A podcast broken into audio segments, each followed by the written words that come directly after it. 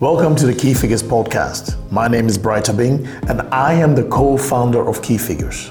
Every Wednesday afternoon at 12 o'clock noon, I will sit down with a key figure within finance, business intelligence, and data to have a wide ranging discussion within this exciting business area. This podcast will be in English or Dutch. And this podcast is for all professionals within the finance, business intelligence, and data area looking to learn, grow their minds, and possibly level up. We at Key Figures believe these three areas are moving towards each other, which is great for decision making. But this evolution brings more challenges and thankfully massive opportunities for businesses. So join me, Bright being your host, every Wednesday afternoon at 12 to learn, grow your mind, and help improve your business thanks to the insights from the world of finance, business intelligence, and data.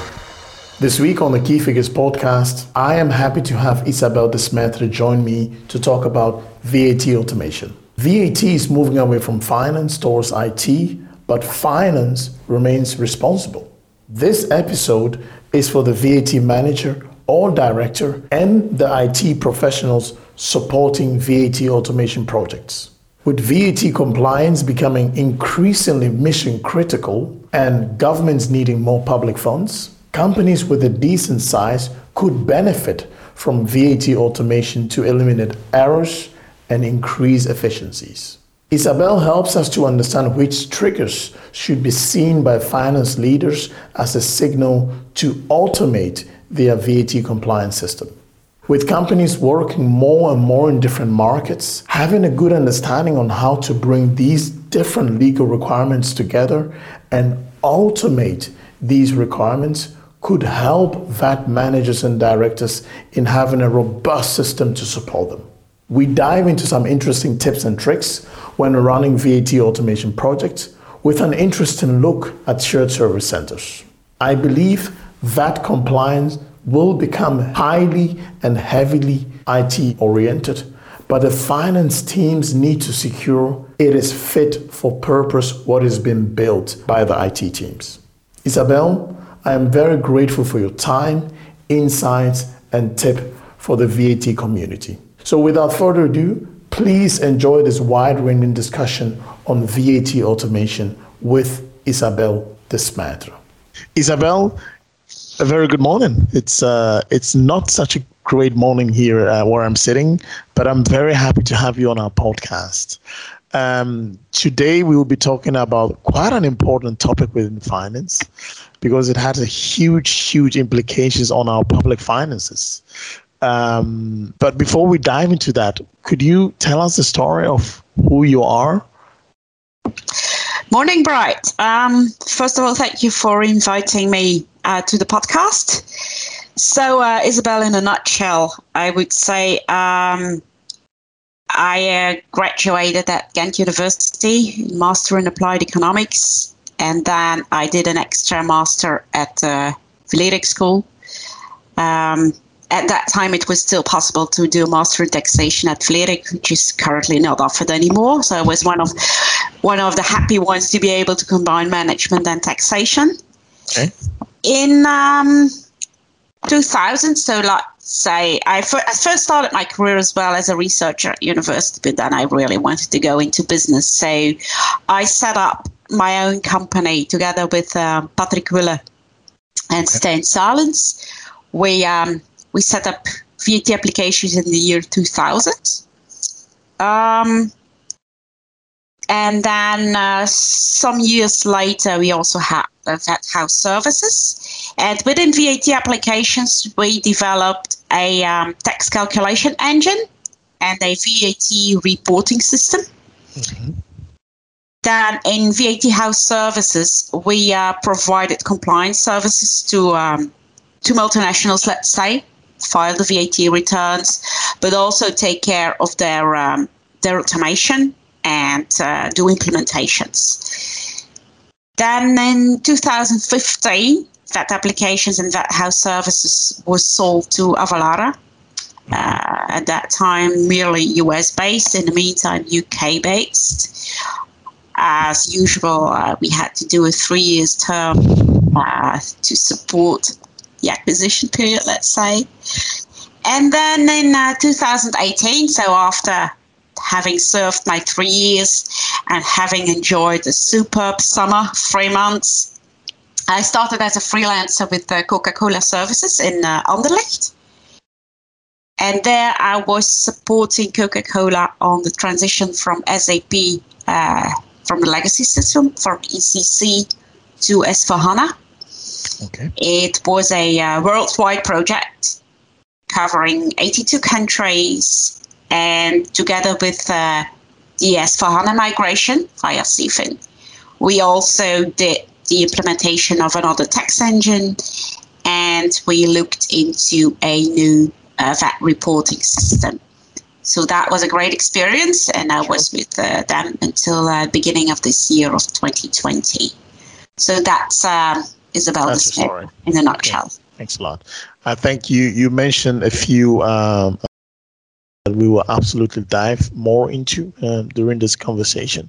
Isabelle, the, the main reason that I wanted to have you on our podcast today was really to talk about um, the connection between tax compliance and automation because I think there is there is an interesting um, trend where bigger companies have obviously huge ERP systems that can help them to achieve that, but some of them are not really um, getting the most value out of it. So I just wanted to ask you, what is the added value of automating VAT impacted transactions within companies in your mind? Well, as you say, uh, tax technology, VAT automation is, is hot for the moment. Yes. And it's also the changing environment that like implies the fact that it's become a very hot topic.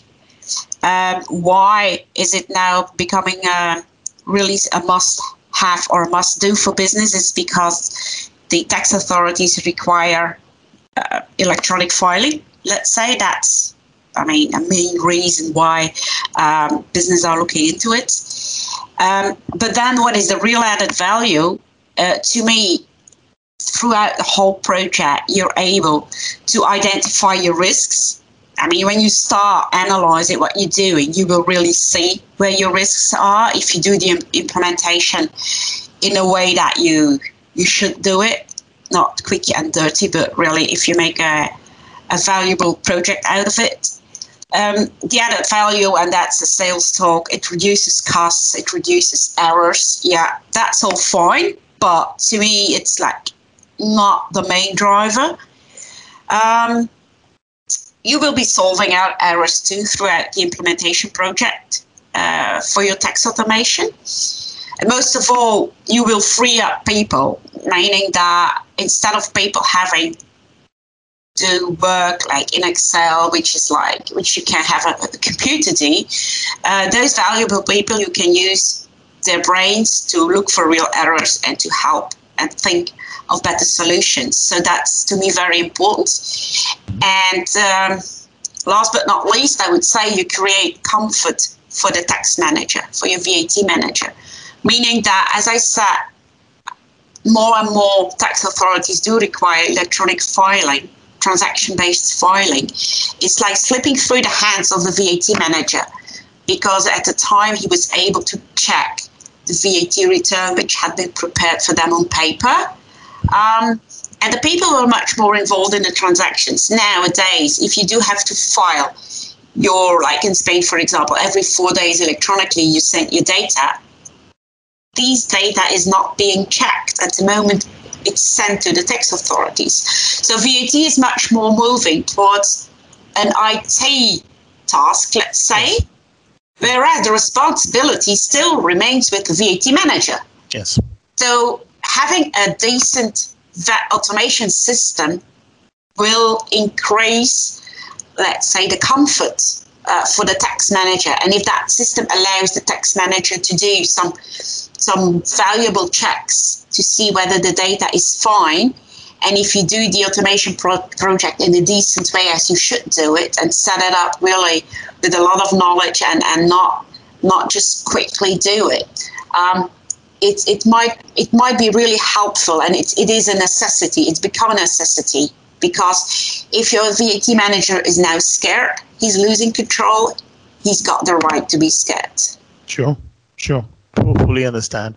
And and i think um, you've made quite an important uh, uh, a few important points there that um, i also believe that not only big companies can benefit from this because obviously multinational companies have um, the deep pockets to invest in these type of technologies.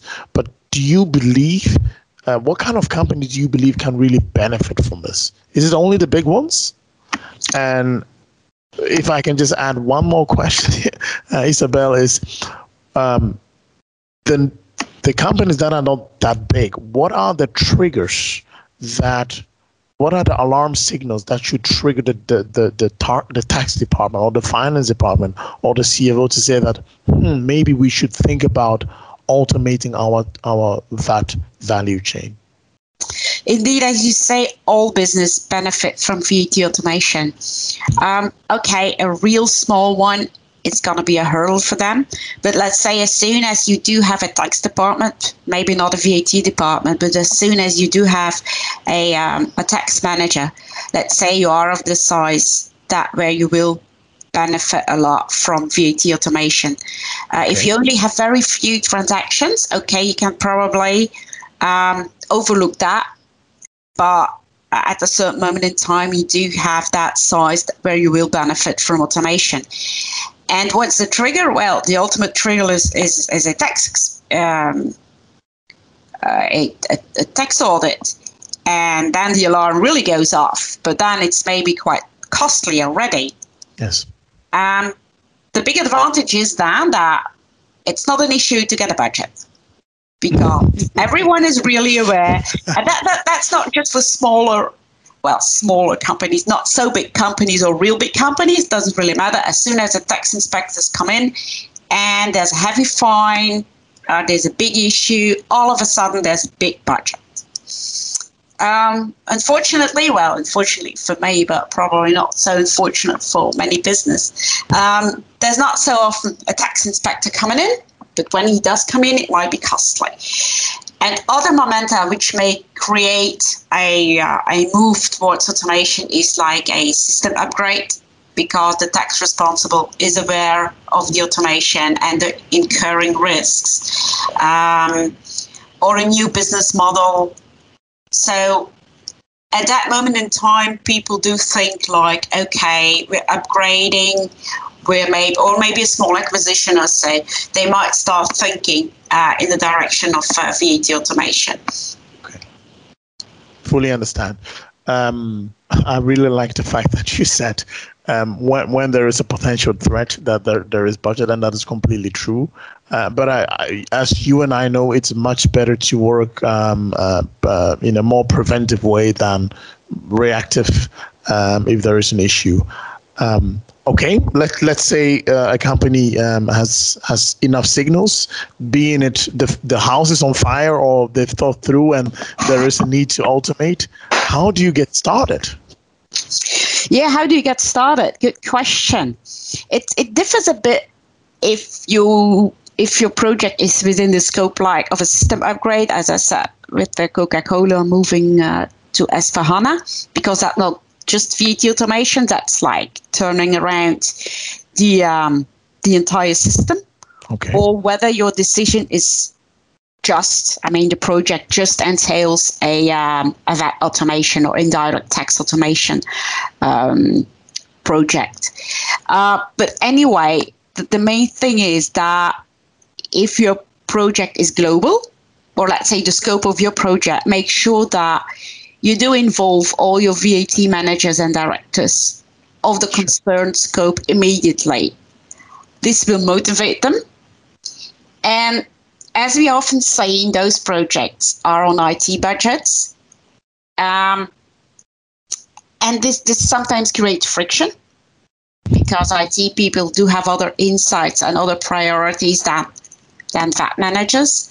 Um, an IT guy will say we can work around this, but in VAT, there's not much working around things from time to time. Um, so that is really something that that is, is quite important. So make like a a global or a regional pool of VAT managers and VAT directors directors and unite them. That that is the most important to create the awareness and to have everyone on board and all of their team members on board. So from the very, very beginning.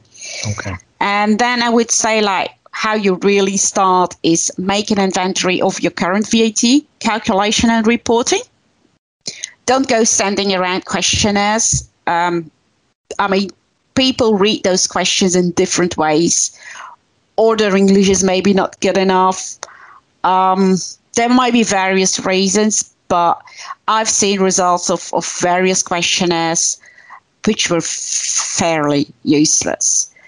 So have interviews with the people and that will also create a great awareness and you will involve them you will motivate them and they will they will really feel involved and that's always nice that they feel involved because then you can get more done because they will have sure. Some extra workload during yeah. the project that's for sure so essentially if all, i may yeah sorry uh, sorry, so, so you, what, what you're saying is um, you need to create the buy-in quite early in the process. Yeah. To make indeed. sure that um, both the business from the VAT managers uh, side, the VAT directors, everyone who is involved in the compliance side uh, is is uh, has has to buy in and also is invested in, in making this this this uh, project work.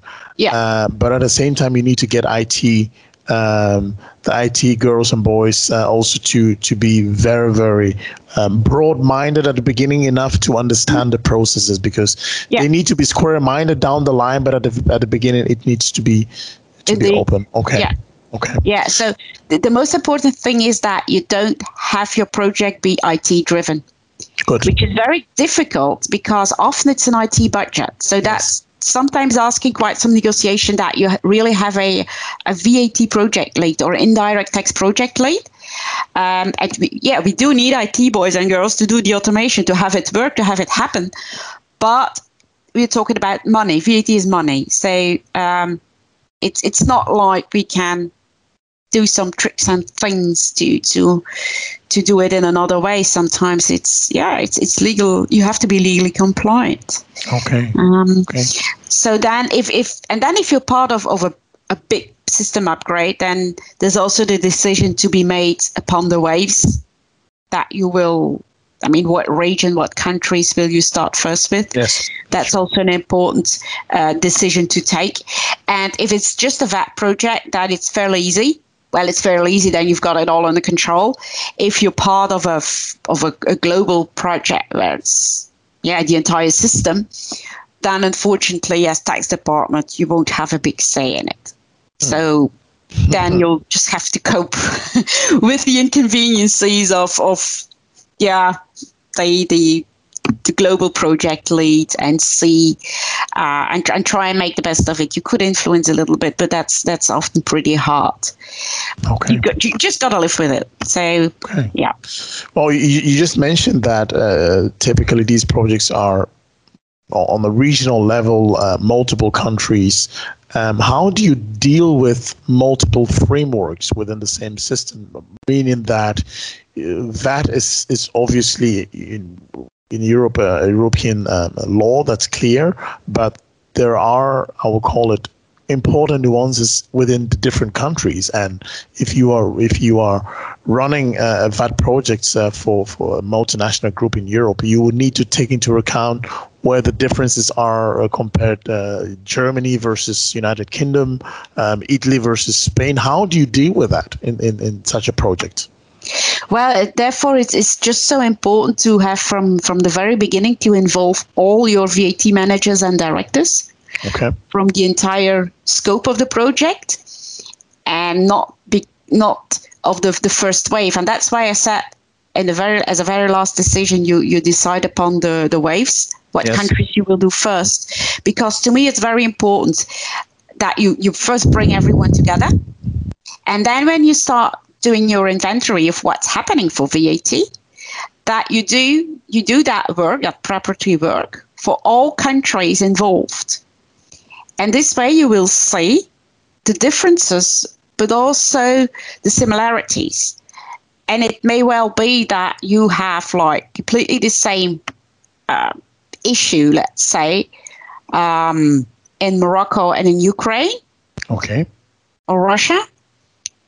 But then through customization throughout the history, this has been dealt with in, an, in another way in the system. And then when you're automating, when you're really uh, putting a VAT automation in place, you can harmonize those issues.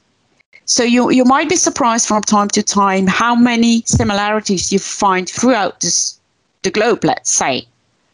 There's lots of differences, I agree, but there's also lots of similarities. Okay. And those similarities allow you to harmonize. And if you do that in a preparatory phase of your project, without really starting to implement a certain region, you can do that. But if you already started with some region, it, it's never too late. But you might have first take a step back and then implement the, the harmonization. If you had done your homework properly, um, it, you could have taken that into the account into account from the very beginning. And that's the, the nice thing about a VAT automation project, and if you've got the time and the um, the flexibility to first do a very thorough preparatory work and then see what the um, what the, the, harmonization possibilities are within your system, standardization, harmonization, that's nice. And always, there's always then on the contrary, differences. So sure harmonize, standardize, cool, great. But there's a big but. VAT is a legal requirement. And countries do have different legal requirements. So be it. I mean, live with it. So you can't standardize, standardize and harmonize everything. And so you have to be able and prepared to, to customize for certain requirements in certain countries. And if you don't do that, it's quite simple. Either it won't work, and automate means automate, or you will have a lot of manual work to do. But I thought that the idea was to automate. Yes. fully, so, fully agree with you. yeah. I mean, that, that's something you really have to take in, into account. Um, and yes, there are a lot of differences throughout the, uh, the globe in the VAT system. Okay. I agree but there are similarities. Okay, it it sounds like it could be uh, a project that could be a walk in the park, but it's obviously never the case. Um, where does it typically go wrong? Uh, and I can also imagine with uh, my previous question, where I was alluding towards um, what are the, the, the differences within legal frameworks, you will also have differences culturally. And then you also, even though you might think they are not they have nothing to do. But I can really imagine that the reason why some projects go wrong, um, over budget, too late, whatever, is due to some cultural differences. How how have you how do you see that come into play these type of projects? Absolute, absolutely. So your first part of a question, where does it typically go wrong? Yes. Well, I, there I can I can give some very standard answers. Um, in principle, you will see when you do, and that's why I say don't send out questionnaires. Just talk with the people on site, and you don't have to travel. I mean, now it's not possible anymore to travel, but anyway, um, you just talk talk with them, um, and that that create that also creates a links like like again more involvement. So the typical things where it goes wrong is uh, AP. Uh, okay. Uh, AP staff, staff, which is posting uh, the invoices. Um, what are the pain points? They, um, if you've got it all are outsourced in a shared service center, maybe they're six months on board and there's somebody else replacing yes. them. Um, they they're under pressure. They're under time pressure. They have to do don't know how many postings an hour or a day. So for them, it's not so much important that it's correct, but the invoice should be in the system.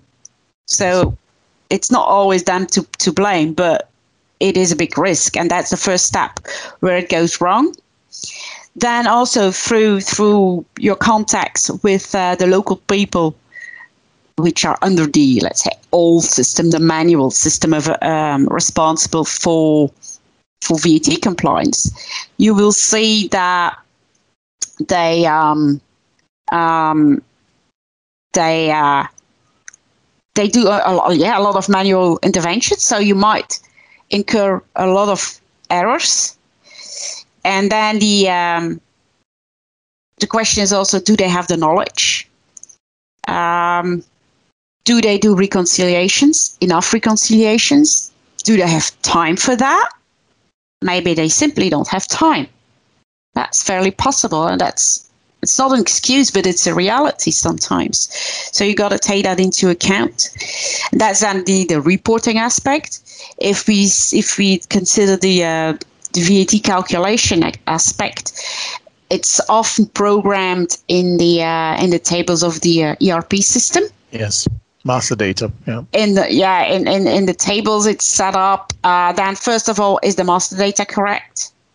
Often not well maintained. Um, secondly, then the, the flows which have been programmed to determine the VAT determination, are they correct? Firstly, are they correctly programmed? Are they well maintained? How many different people have been programming them? So maybe for one flow, you've got two different ways of setting it up. If you download down the data, the download of the data may not be in the same form or formats to treat it. So those are all things you you will see, and, and all those things are really uh, creating a, a lot of risks. And then also something which in Europe we don't realize always, but within Europe, VAT manager, we do have quite some VAT knowledge in Europe, within Europe. But if we go beyond Europe, let's say in some African countries or, or, or Asia or so, um, it is it, it is a fact that sometimes within a business because they don't have enough activity for VAT, let's say. There's not much VAT knowledge within the company itself. And then I would say, like, for the project, do get a VAT consultant on board for a couple of months to, to support your local people with uh, the adequate VAT knowledge because that can that could be very valuable and your people can learn from them too. Sure. That have them have them on board to to support support them and not just but on a day on a daily basis just have somebody there with a, a thorough VAT knowledge and that that might be for for the project and then as you say there's a cultural differences um, yeah it's, it's, it's quite funny and there we, we get back to the involvement if you're talking to to somebody let's say 50 plus a moroccan guy especially yeah. me. I'm, I'm a woman. You probably realized that already. um, it's diff- It's difficult to to to get things done from time to time. Uh, they don't like to be being told they're not correct. And sometimes, yeah, you, you don't get much insight. So it's yeah, it's it's something you you have to be aware of that people can be very different around the globe. Sure. On the other hand, if you talk to a Russian lady, um, Oof. Yeah, you you that, really that's not easy. no, that's not easy.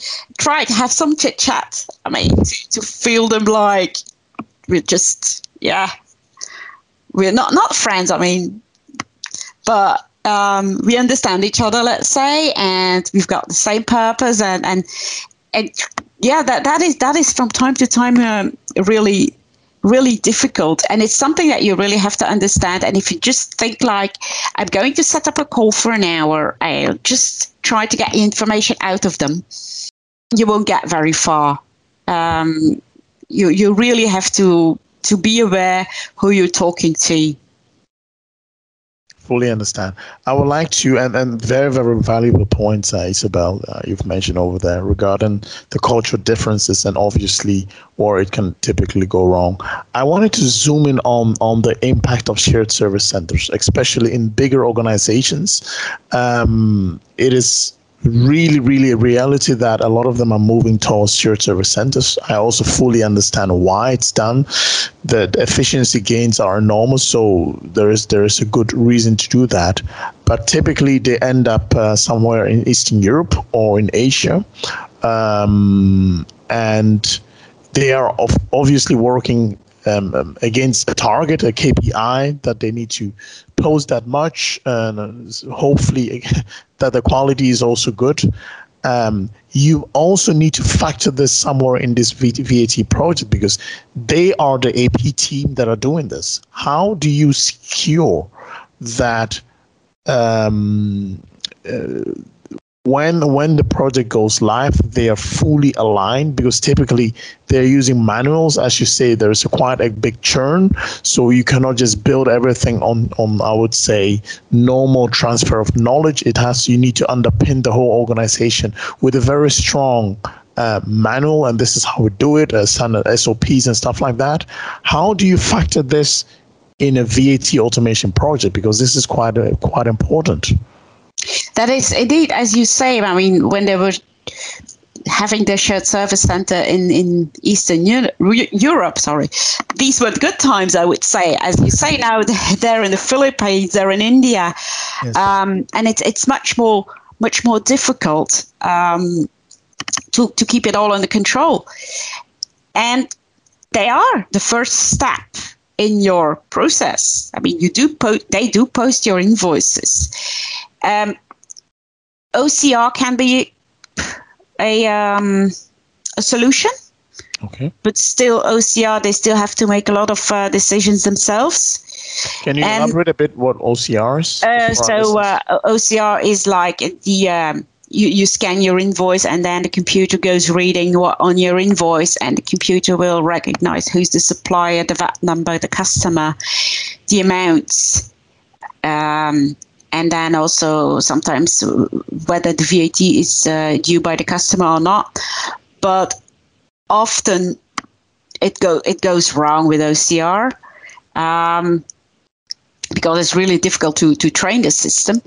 So it, OCR can help. In principle, if you've got a tax calculation in, um, engine that receives the invoices, it, this might help too because the, the calculation engine will suggest some uh, some solutions, some some tax code, some tax treatment, so that might help them. Um, on the other hand, yeah, if you say like, look, I will look at my purchase order, how that had been um, put in in the system, yeah, but purchase orders are not created by VAT people either, no. so it's not much more reassuring let's say. So, honestly speaking, the way you follow up on your AP people is today still manual. It's a manual process, unfortunately. Okay, if you do automate, your VAT compliance people will have more free time. So they may have more time to do like spot checks, whether this had been posted correctly or not for, for important amounts. So it, it does free up time for them. The only ultimate solution which will avoid um, any errors made uh, at purchasing side uh, the accounts payable is if you if you move towards electronic invoicing. It's as simple as that. You receive an invoice with all details in it also for VAT and then it's the system. Okay you need a calculation engine at, at, that time, but it's not like an OCR that it goes recognizing uh, the data which are on your invoice. You simply get an electronic file, and that file, I mean, the tax determine the tax in, in your electronic file determine what uh, the fields are about, and then your computer will be receiving this, and then you do the calculation on it, and that way okay, then you probably don't need that many AP people anymore. The computer is not deciding whether it's going to be paid or who it's sent, who it, the invoice should be sent to for approval, maybe. Although you could integrate that too in the file. Um, so, so that that is that is to me the ultimate solution. And for Europe, let's say we're really moving in that direction with uh, the current Peppol standard, which will allow that, or which is allowing that for the moment. It's it's not not like like future. I mean, uh, rocket science anymore. It is there. It's now just up to business to start using it. And the more okay. businesses u- are using it, the more it will be known and, and maybe the more countries will join because now it's, it's European, let's say. Could, could you elaborate a bit more on this Peppol standard because uh, it's, it's, it's popping up more and more? Yeah. Um, could you just give us a quick overview of what it is and and, and well, and let, let's how say it work? Yeah, the Peppol standard is like if I issue an invoice to you, I would say I'm a Belgian company, I'm, I'm issuing an invoice. Um, there are certain fields saying who the supplier is, the address, the date of the invoice, the date of the taxable transaction, what I'm selling to you. Um, what the VAT regime is. Is there an intra-community supply? Is there an export supply? If not, what is the rate of the, the VAT? Uh, what is the amount? Maybe the, the payment terms are in it. So, and that's one file, which is then established uh, under Belgian law. Uh, because I'm the Belgian company and the goods are being shipped from Belgium. When I sent that invoice to you, if we use a common standard, if we use the European standard, your incoming system will recognize that invoice and will know, will see, okay, these were goods, 100 chairs, priced 1,000. Okay, that's pretty expensive now, 100. so, so that's 10,000 euro for the chairs. And I see it's intra-community and it was shipped from Belgium to uh, Germany, for example. So I need to do the intercommunity acquisition in Germany, and it's about chairs standard rated. So then, then automatically the VAT can be calculated and the posting can be made because based on the purchase order, you will have made out a purchase order for those chairs. It can be posted immediately on the correct GL account for for what, what you what you're purchasing. So and that really allows automation.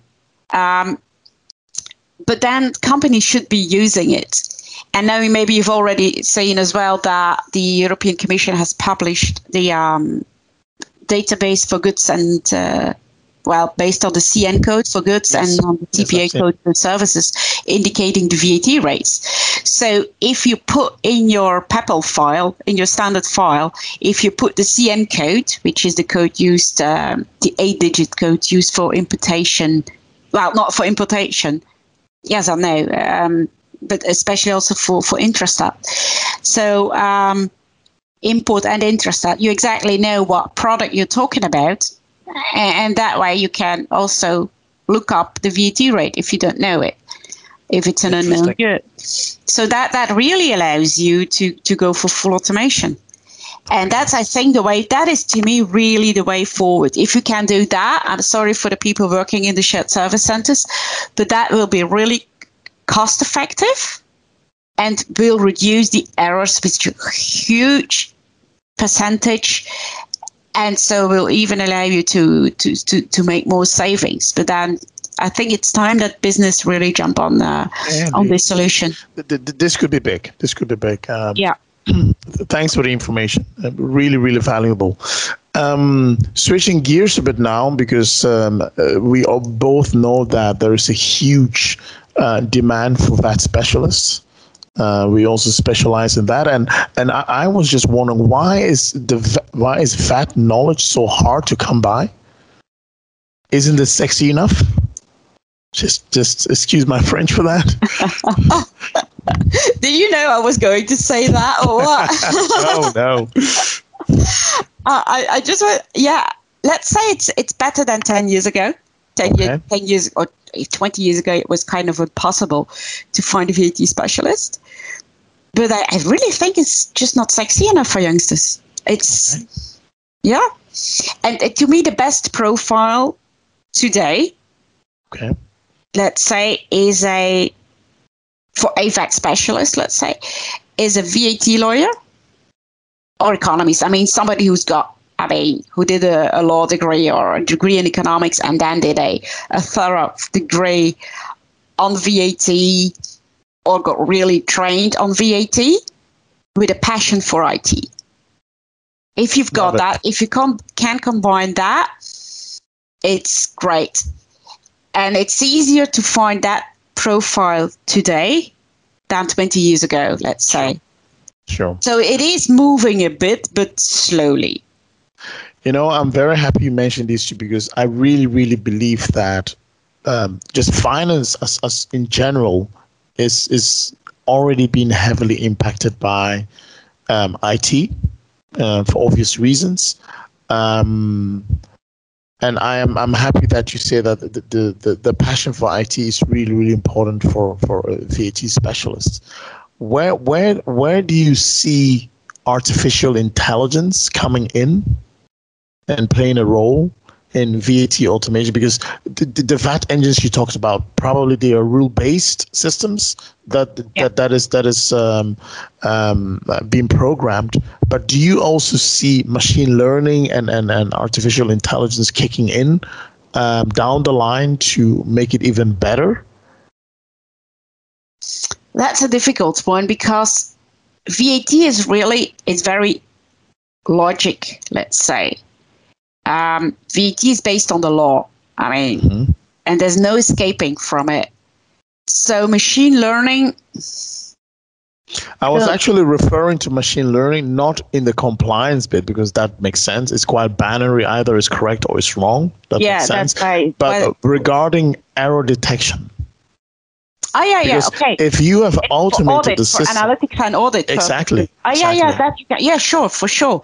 No, no, I was I was thinking real the, the setup of a calculation and, and the reporting. No, no, no, that That's should be straightforward, right? I mean, but indeed, of course, um, that that that is a a, a, a valuable um, how to say um, that would would be a valuable in investment to invest in artificial intelligence in computer learning if you if you do find errors and and you teach the machine, let's say, to to look well, not to look again. You to to you indicate several types of the errors, and then you you leave it up to the machine to find uh, similar types. Yes, you could do that.